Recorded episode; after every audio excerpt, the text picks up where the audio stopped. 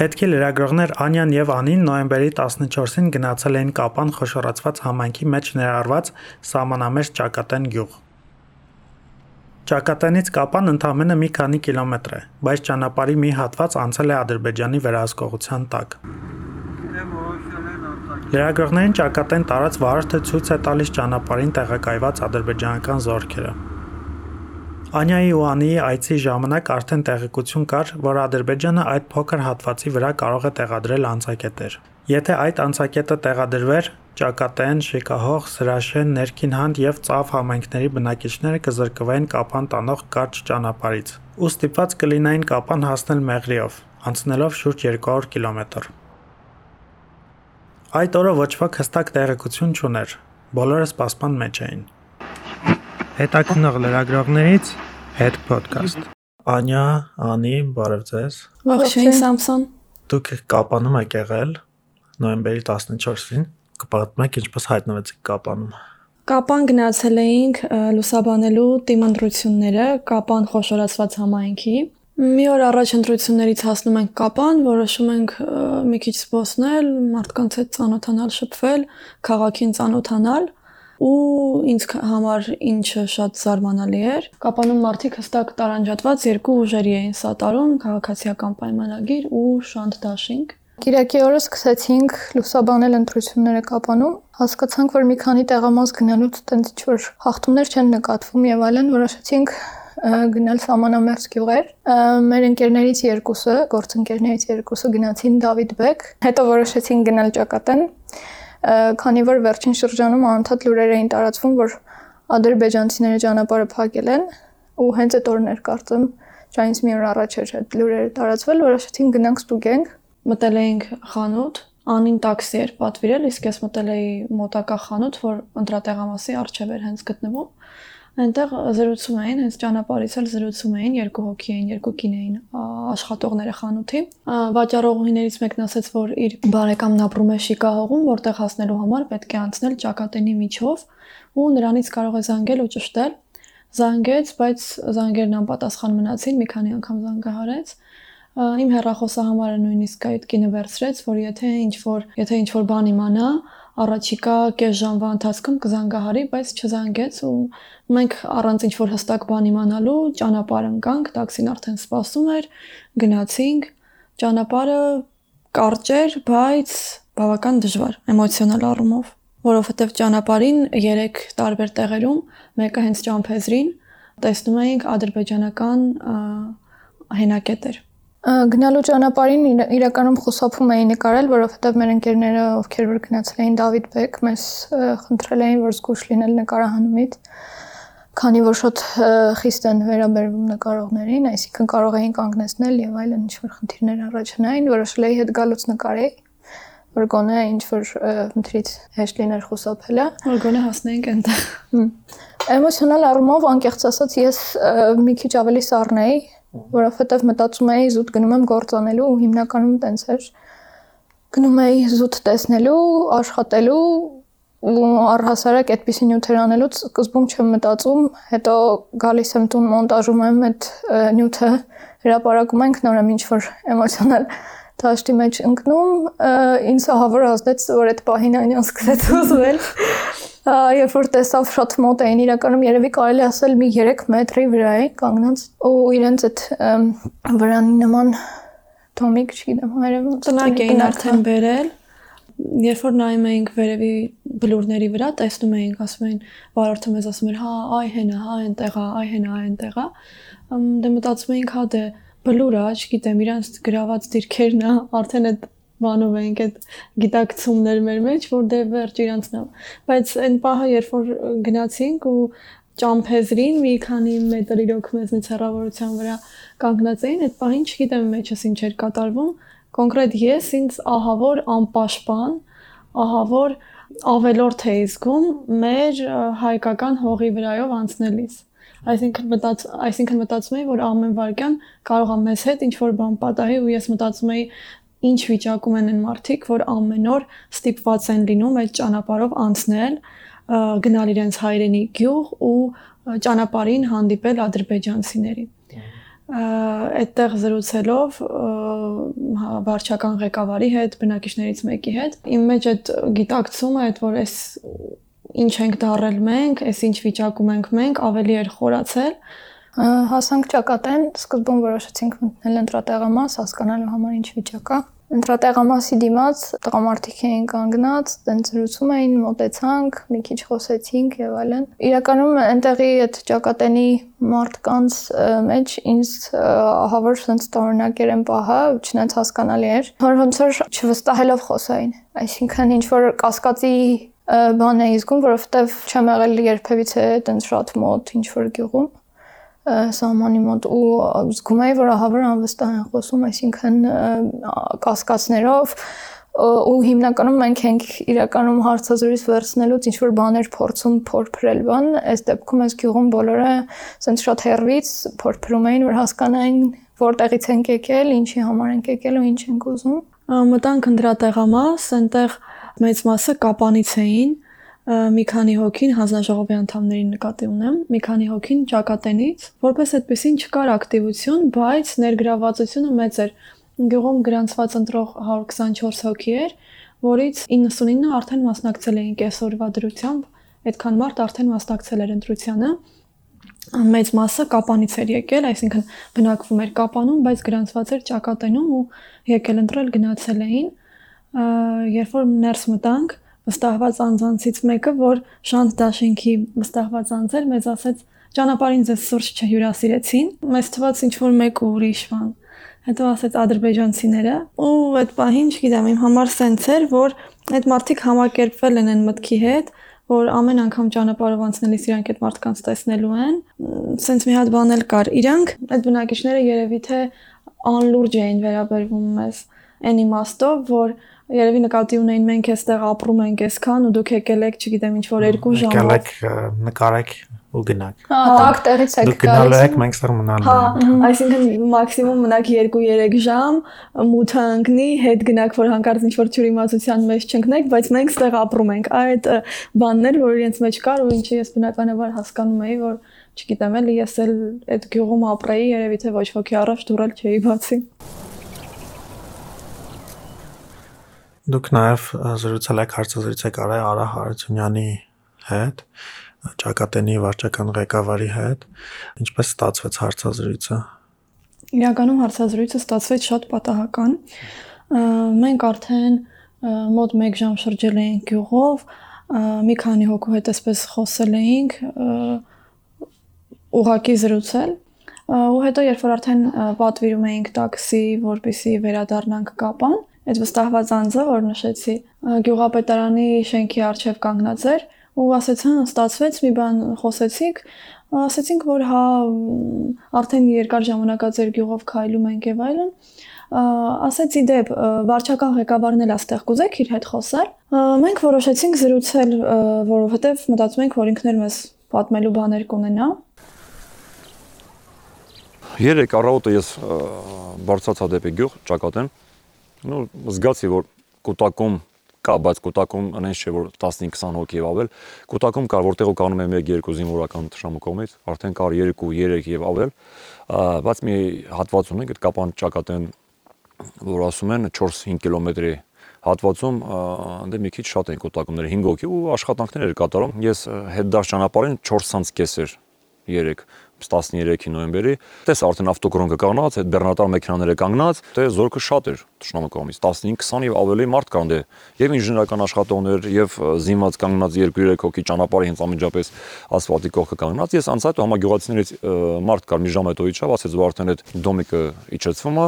այդտեղից ես հասկացա իմ անցնելու ժամանակ Երևակայ այդ աշխատանքներ կատարում, հիմքային աշխատանքներ կատարում, այդ դոմիկը պետք է իջեցվեր։ Այսօր 14-ի առօր ժամը 7-ից 20 անցատեով արդեն դոմիկը կար, դոմիկը տեղադրված, ամեն ձև, երկու հոգի զենքով զինված կանգնած, 4-5 հոգի էլ դե հետև աշխատանքներ են կատարում։ դե Մի սպա մենք խոսում ենք մեզնից 700-800 մետրով գծով հատ ասենք ճշնամին կանգնած կարա մեզ հետևի, անպամածա կարա չտեսնի, բայց հիմա էլ կարա եւ մեզ ասենք տեսանել լինենք դիտարկի ամեն ինչ։ Դիտարկումը դա միանշանակ անընտրանքային ճանապարհ չունենք միանշանակ անընտրանքային ճանապարհը միայն եթե ասենք փակվեց ճանապարհը միայն կապան Քաջարան Մեղրի ու հետադարձ sense ճակատեն գալիս 140-145 կիլոմետր 10-11 կիլոմետրանոց ճանապարհ պետք է սարքի հələ չկա հիմի վաղը ճշնամին փակեց այդ ճանապարհը ճիշտ է մենք բլոկադայի մեջ չենք ընկնում մենք ունենք այդ 280 կիլոմետրը բայց 280 կիլոմետրը չգիտեմ դա այդ հարցը ոնց կլուծի, բայց ես չգիտեմ վաղը կփակեն, չեն փակի կամ հիմա արդեն փակել են։ Ես հիմա գյուղում կանանց խոսում եմ, անդադ կապի մեջ ենք մենք վերադասի հետ։ Այդ պահին ինձ թվում է ինքն ամենաթույլ օղակներ, որ կարող էր այդ դեպքում ինչ-որ բան փոխել։ Այսինքն անգամ ինքը չգիտեր, արդյոք գյուղի ճանապարհը փակվելու է թե ոչ։ Այդ ադրբեջանցիները, որ այդտեղ տեղակայված են, ինչքան են մնալու, ինչ են ինչ են անում։ Այդ մարդուն որպես այդ տարածքի ղեկավար ոչ ոք չէր իրազեկում իրավիճակի մասին, ոչ հայկական ԱԱՑ սահմանապահները, ոչ ռուսական խաղաղապահները, դե բնականաբար ադրբեջանցիները ոչ մի բան չէին ասելու։ Դե տեսնենք, տեսնենք ոնց կլ անհանգստությունը շատ մեծ է, գյուղի արդեն գյուղացիներից մոտիկան մեն ասում են պարոն Արությունը, բա ինչ տեղեկություն ես, ոնց է ինչա կատարվելու, գնանք, չգնանք։ Իսկ պարոն Արությունը չգիտես հարցին ոնց պատասխանի։ Ես երաշխի չունեմ մնան, չմնան։ Ու չգիտեմ, երևի ես մի քանի օրը վերջին մտքիս անընդհատ այդ վարչական ղեկավարներ, որ ինքը իմ մեջ տպավորվել է որպես այդ պահին ոչ մի լծակ չունեցող, անկարող ու խեղճացած մեկը, որ չունի ոչ մի բան իր բնակիչներին ասելու, որ ընդհանրապես ունի մի բնակավայր, մի գյուղ, որի պաշտպանության հարցերով անգամ զբաղվել չի կարող։ Ես խնդրում եմ պրոստը մեր իշխանությունները մեր վերադասի մատ մեզ հարցին պատասխան տա այս մարդկանց ճակատագիրը ի՞նչ է լինելու։ Թե էլի պետք է ասվի, դե գիտեք իրանցներ, տենց էլ պետք է լիներ։ Տենց էլ պետք է անենք։ Ոնց որ կար գորից որոտան, որ ասեցին դե փող ամուծել ու ես անցնես նորմալ է։ Դա մեզ համար նորմալ չի, ոմանց համար նորմալ է, բայց հաստատ մեզ համար դա նորմալ չէ։ Մինչև 20 թիվ մինչև պատերազմը կային, շատ կային տնտեսություն։ Այս բաց ես ունեմ 26-27 տնտեսություն, 27 ընտանիք։ Նով մոտ 70-72, 75 հոգի, որ այս տար պետք է մնային, բայց ես երաշխիք չունեմ այս տար այդքան մարդ կմնա, թե չէ, որտեղ արդեն մարդիկ եւ զարյացած են, եւ վախեցած են, մարդը արդեն նա կովերը ծախել է պրծել, էլ չունի ոչ մի տնտեսություն, մարդը կայնա անտա ծախմա, որ այդ կովերն էլ անցնում է, հետ չի գալիս, կամ անցնում մի կերպ հետ ենք բերում մենք չէ ռուսի մեր սահմանապազորքը դիմում է ռուսին, ռուս սահմանապազորքին հետա գալիս, բայց 1-2 1-2 վաղնել կարող է անհանգստություն ունեն բոլորը։ Երբ որ արդեն հարցազրույցը ավարտել էինք ու քայլում էինք դեպի մեր մեքենան, ինքն ասեց դուք պատկերացնում եք, իմ կինը, իմ աղջիկ երեխան մեքենայի մեջ նստած լինեն ու ադրբեջանցիների մոտով անցնելիս անցակետ իրանք դրած լինեն, ադրբեջանցիների կողքով անցնելիս ամեն անգամ ստիպված լինեն մեքենայից իջնել, որ իրանք ստուգեն մեքենան, իմ կնոջը իմ երախուն նայեն, հետո նստենք մեքենան, գնան ու մեզ ծաղրեն։ Այսինքն այդ մարդը, չգիտեմ, հոգեբանական առումով էլ այդ գյուղի բնակիչները ինձ թվում է այնքան նեղված, այնքան նեղ սրտած են, որ ոչ ոք երևի չի հասկանա այդ իրավիճակում հայտնված մարդկանց։ Նաև խոսել եք բնակիչներից Անահիտի հետ, ինքը մոտ ինչ տպավորություն թողեց։ Նախ ասեմ, որ ահավոր դժվար էր ինչ որ մեկի գտնել գյուղից, ով կխոսեր հենց կամերայի առջև։ Մի տատիկի խորհուրդ տվեցին, գնացինք Անյան երկար ժամանակ այդ կողմի բարբարով ոնց որ համոզում էր տատիկին որ խոսի առհասարակ մեզ բանարեց հետո քայլեցինք քայլեցինք ահակին տենց գյուղով ու տեսանք տիկին անայտին ասեմ որ իր հետ էլ էր դժվար որովհետև ասում էր բազմիցս ինչ որ հարցազրույցներ եմ տվել ու այն ինչ որ խոսացել եմ չի հրապարակվել ինչ որ պատճառներով ու ասեց այսօրվա մեջ էլ եմ հարցազրույց տվել բայց ինչ որ չգիտեմ որ լրատվականից էր, բայց ասեց իրանց տիտղեն ասելա որ չենք հրապարակելու։ Ու մենք տենց մի ձև համոզեցինք, հետո ասացինք որ ահա որ մրցած ենք ու թե ենք ուզում։ Ինքը մեզ տարավ տուն, թե հյուրասիրեց, մի քիչ տենց վստահություն ներշնչեցինք երևի։ Տոլմա բերեց Գերյան։ Տենց մեզ կերակրեց, թեյ տվեց ու սկսեց հարցազրույց տալ։ Իրականում երևի այդ գյուղից այդ ամեն ինչից իմ մոտ ամենաշատը տպավորվել այդ կինը։ 60 տարի է այս գյուղում եմ ապրում, ստեղ ծնվել եմ, ստեղ էլ ամուսնացել, ստեղ էլ մինչև հիմա էլ ապրում ենք։ Էսա մի տարիա շատ անհանգիստ վիճակում ենք, առավոտը որ լուսանում ասում եմ այսօր էլ կենթանի մնացիք։ Որովհետև ամբողջ գյուղը հենա տեսնում եք շրջապատման շրջապատման մեջ է լրիվ դրոշակներ, ճանապարհը դրոշակներ, վախենում ես գնաս, ասում ես եսա կարող եմ մի հատ ինչ որ մի բան պատահի։ Այդ պայմանագիրը ոստորագրել են, արդեն իրեն կամած-կամած եկել են, շարվել են։ Արդեն պոստը իրեն գրավել են, իսկ Երևանից արդեն այդ նոր այդ պոստն են դրել, որ իբրև մաքսա կետն սարքում։ Դե որքանով է ճիշտ, հետո լսել եմ ասեն երկու օր ժամանակ են տվել, ճանապարհը պիտի փակվի։ Առաջին ձմեռա գալիս, ոնց է ոնց է կապ պաշտպանելու քաղաքի։ Ենթադիկ թա վաղը մեկը վատացել է։ Կորոնավիրուսում մի տղա, ենթադիկ թա մարդիկ վատ են, ոնց դիմեն բժշկի։ Իսկ մենք լսել ենք, որ կառավարությունից ասել են, որ թող մեղրիով գան հասնի կապան։ Տենց բան կլինի։ Գիտես քանի կիլոմետր է ստեղից մեղրի, մեղրից Քաջարան կապան Այդ ոնց է Ալիևը, չգիտեմ ինչ հսկայական аэроպորտ ասարքել այս Ֆիզուլիում, իսկ իրենք չկարողացան 3 կիլոմետր ճանապարհը սարքեն։ Ինչի համար։ Ինչի 3 կիլոմետր, ինչի։ Ասեմ նաև, որ ամբողջ զրույցի ընթացքում նախքան հարցազրույցին անցնելը Տիկին Անահիտը անընդհատ ասում էր, չէ, ես ցես չեմ հավատում։ Չէ, սուտ եք ասում Մենք մեզ այդ պահին վատ էինք զգում իրականում, որ ինչ ենք արել մենք այս կնոջը, որ մեզ չի հավատում, բայց հետո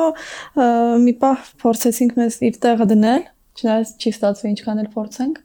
Հասկացանք, որ նախ այն, որ եկել նկարել են ու հետո ցույց չեն տվել իրեն, հետո այն որ ինքն ապրում է մի տեղ որ վստահ է որ հեսա մի քանի ժամից ճանապարհը փակվելու է բայց ոչ ոք իրան հստակ չի ասում որ փակվում է հա այդ ամեն ինչը գումարվել էր իրար ու այդ կնոջ մոտ այդ անվստահություններ առաջացրել բայց դե իրականում հյուրասեր կիներ բավականին լավ էլ զրուցակից էր ինչ ընտրությունա այս նեղ միջալում հենա է մարդը լավ էլ աշխատում է ես տենց չեմ ասում կարող է այս մեկը ավելի լավ լինի մեկը տենց 100%-անով չգիտեմ, բայց դե ես նեղ մեջալում ինչ ընտրություն, այդ փողերը թող տան մեր սալդատներին համար այդ տնակներ առնի, զենք առնի, վերջի մեղ կնե ժողովուրդը։ Տարի մի անգամ, երկու անգամ ընտրություն կլինի, ինչքան փող են ծախսում այդ ընտրությունների համար։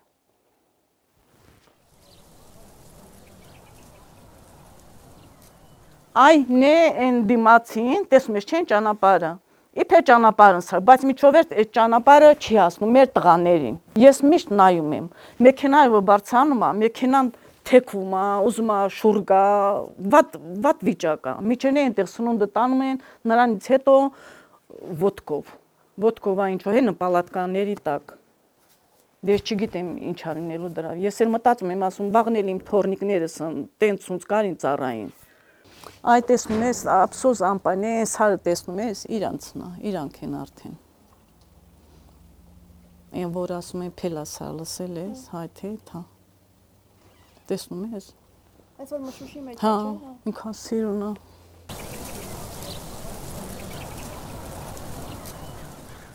Հետո ժամանակային առումով ասեմ, որ ով մեզ հանդիպում էր կապանում, մինչև գնալը ասում էր, մինչև մութն ընկնելը անպայման կգաք, որովհետև չես իմանա ինչա լինելու, քանի որ համել խոսակցություններ տարածվել, որ ժամը 12-ին փակելու են, բայց դա հստակ ինֆո չէր մենք էլ էինք իրականում շտապում, որովհետև շատ առավոտ շուտ չէին գնացել, երևի 3-ի 4-ի կողմեր, որ արդեն այնտեղ էինք ու արդեն վերադառնալու ժամանակն էր, որովհետև մի քիչ համ մութ էր, համ մառախուղ էր ու ամեն դեպքում վախը կա, որ ինչ որ բան ճանապարհին կպատահի, այդ պատճառով մի քիչ-քիչ մնացինք գյուղում։ Բնակիչներից մեկն էլ ասաց, որ Արթուր էր այդ մարդու անունը, որ ապրում էր Կապանում, բայց ճակատենում ուներ տուն։ Իր հետ մի քիչ զրուցեցինք, խոսեցինք, ինքը հարցազրույցից հրաժարվեց, բայց էլի տենց բայց էլի բավական հետաքրքիր մարդ էր ինձ թվում խոսեցինք, ասաց, հա, ասում են ճանապարհին ճանապարհ ասում են ճանապարհը փակվելու է ժամը 12-ին ասեցի բա դուք ինչ եք անելու ասես դե ես հետ եմ գնալու ես կապանում եմ ապրում հետո սահմանապահ զորքեր կան գյուղում սահմանապահ զորքերի ասեց հրամանատարն է կանգնեցրեց մեքենան հարցրեց ինչ ենք անում ինչու ենք այստեղ այդ մարդն ասաց որ լրագրողներ են ընտրության համար են եկել ես հարցազրույց չեմ տալիս ուղակի հետները մի քիչ զրուցում եմ հետո այդ նույն մարդուն տեսանք գյուղամիջում ու ես հարցրի հիշում ես այդ պահը ես հարցրի մարդիկ ասում են որ գյուղի ճանապարհը փակվելու է ճիշտ է դա փակվելու է իրոք ասեց չէ տենց բան չկա բա մենք ինչի համար ենք ստեղ ու ընդամենը մի քանի ժամ հետո մենք այդ ժամանակ սուպերմարկետում գնումներ էինք անում, որ գնայինք հյուրանոց։ Այդ ժամանակ, երբ որ անին կարդաց, որ ճակատենի ճանապարհը փակվել է, այդ պահին, չգիտեմ, մի քանի մարդ, մի քանի հոգիով կապ ուներ այս պատմության հետ, միանգամից եկան իմ աչքերի առջև թե Տիկին Անահիտը, թե Արա Հարությունյանը, թե հրամանատարը, որ վստահեցնում էր, որ նման բան չի լինելու ու գյուղի ճանապարհը չի փակվելու։ Հետո ես հասկացա, որ վերջ այս մարդիկ զրկվեցին կապան հասնելու իրենց կարճ ճանապարհից ու մնալու են այդ 140 կիլոմետրանոց քաջարան մեղրիով անցնող ճանապարհի հույսով մինչև կկառուցվի այլընտրանքային ճանապարհ։ Ու ԱԱՑ-ի հաղորդագրությունն այնքան հանգիստ էր, որ այլընտրանքային ճանապարհը կկառուցվի մինչև տարեվերջ, այսինքն մինչև տարեվերջին կա դեռ ամսից ավել, տարեվերջի ընթացքում էս մարդիկ թե ոնց պետք է հասնեն կապան։ Դա որպես այդպեսին ինչ որ մեկին չի հետաքրքրում։ Նաև հաղորդագրության մեջ որը որ բավականին սառը, այսպես չգիտեմ, մարդկային կողմից զուրկ տոնով էր գրված, նշված էր, որ հայկական կողմը հայլային եղանակով կտեղադրի անցակետեր ու այդ հաղորդագրությունը կարդալուց ես մտածում էի բայց դուք այնպես է գրում, կարծես այդ մեզ ինչ որ օգուտ, այսինքն կարծես ինչ որ ադրբեջանցիներ այդ highline մաքսակետից օգտվելու են, այլ չգիտեմ, մի քիչ տարօրինակ էր այդ ամեն ինչը ու ոնց որ ստացվեց, որ արդեն երկուշաբթի օրը ժամը գիշերը 12-ից այդ ճանապարհը փակվեց։ Հիմա մարդիկ կապան կամ չեն գնում կամ կամ պետք է հա հանցակետով անցնեն։ քանի որ արդեն նշեցի, որ որոշել էի այդ կետերը նկարայի հետ դարձի ճանապարհին։ Երբ որ տաքսին եկավ, արդեն մի քիչ բարձրացանք, հասկացա, որ բավականին մառախուղ է ու պետք չի ռիսկի դիմել, քանի որ տաքսիստը ուրիշ տաքսիստ էր ու ասում էր, որ չի բացառվում, որ նաև անտառներում լինեն եւ այլն։ Սկսեցի այդ տաքսիստին նկարել, բայց իրեն չէի զգուշացրել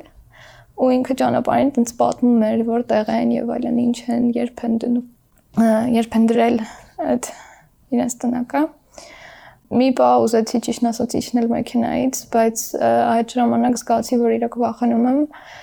երբ այդ ցուցանակը տեսա որտեղ անգլերենով գրած էր welcome to Azerbaijan ու այդ արդեն երևի կապանից մի 2 կիլոմետր էինք հեռու իրականում ազդեց վրա շատ Դա այդ երևի հատուկ են անում, որ մարդկանց վրա ազդի իրականում այդ Հա, Welcome to Azerbaijan դենց վերջը ոնց որ չկարող եղած ինձ հավաքել ու իջնել մեքենայից Եթե դու իշտեիր, ես թվում ես սիրտս կկանգներ այդ բանը։ Բայց ինչ որ բաներ կարողացա ֆիքսել, ինձ թվում է ու ավելի շատ երևի ճիշտ կլիներ այդ մարդու էմոցիաները ցույց տալ, այսինքն տաքսիստի, որովհետև սկզբում ասում է հեն աստեղ են եւ այլն երևի այդ ավելի պրոդուկտիվ եղավ, քան ինչ որ տենց վիզուալ ցույց տա, որ այնտեղ կանգնած են ու հետո ինչ որ մեծ խնդիրների մեջ ընկնենք։ Հաստատ ընկնելու ենք, որովհետև մեր գործընկերները, որ Դավիթ Բեկ գնալիս ճանապարհ են նկարել, ռուս խաղաղապահները կանգնեցրել են նրանց, ստիպել են ջնջել կադրերը, այսինքն հաստատ նման մի բան էլ մեզ հետ էր կատարվելու, ու այս դեպքում արդեն ոչ թե ռուսներն էին մեզ հրահանգելու ինչ անենք, այլ ադրբեջանցիները որ կապան հասանք արդեն մտնել էր։ Ընդհանուր ինչպես կգնահատեք դեր այցը ճակատեն կապան։ Երևի լրագրողներից պետք է ավելի շատ ուշադրություն դարձնենք այդ համանամերձ գյուղերին Այսինքն պետքա գնանք այնտեղ շատ շփվենք մարդկանց հետ, պետքա հասկանանք իրոք այդ գյուղի միջից ինչա կատարվում։ Քանի որ շատ ժամանակ ինչ որ տարբեր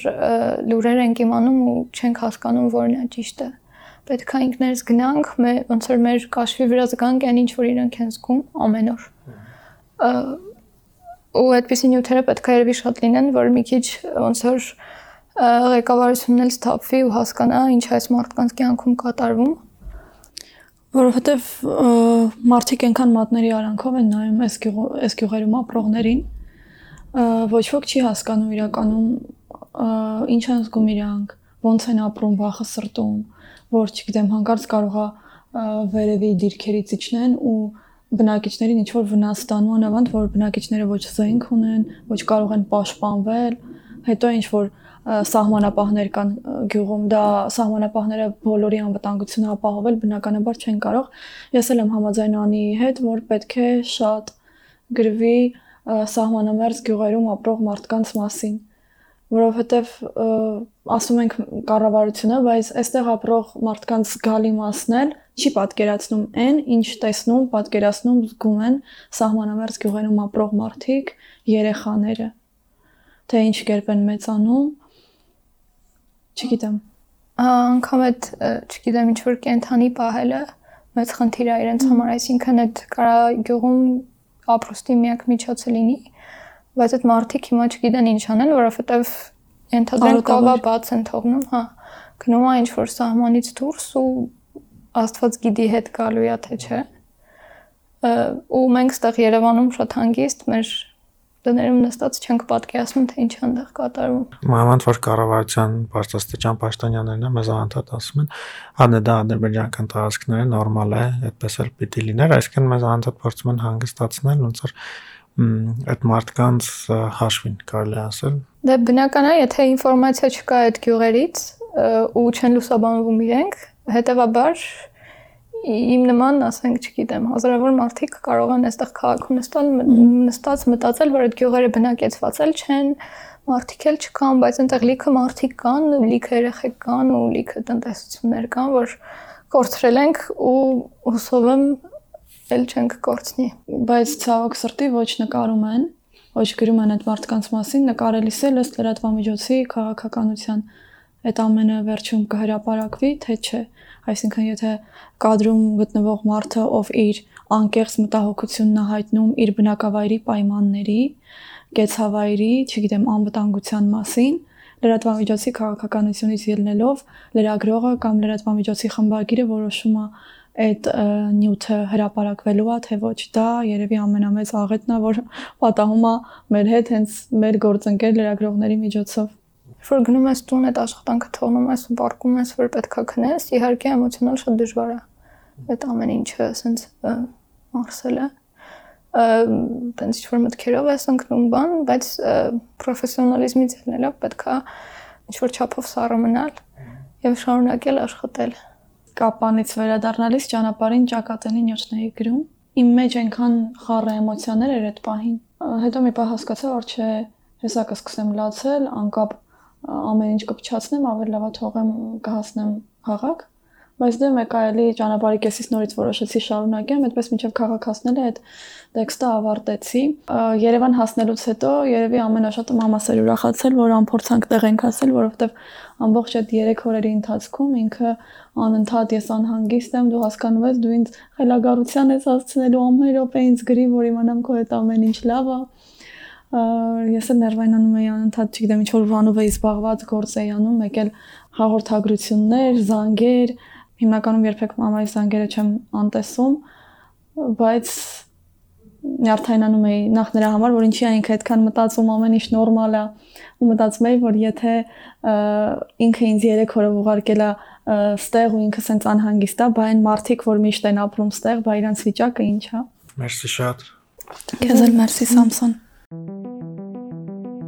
Շնորհակալություն հետ ոդքասթը լսելու համար։ Կարող եք բաժանորդագրվել մեզ Apple Podcast կամ Google Podcast հարթակներում, նաև կարող եք միանալ մեր Facebook-յան խմբին հայատար կամ լատինատար որոնելով հետ podcast։ Մինչ նոր թողարկում։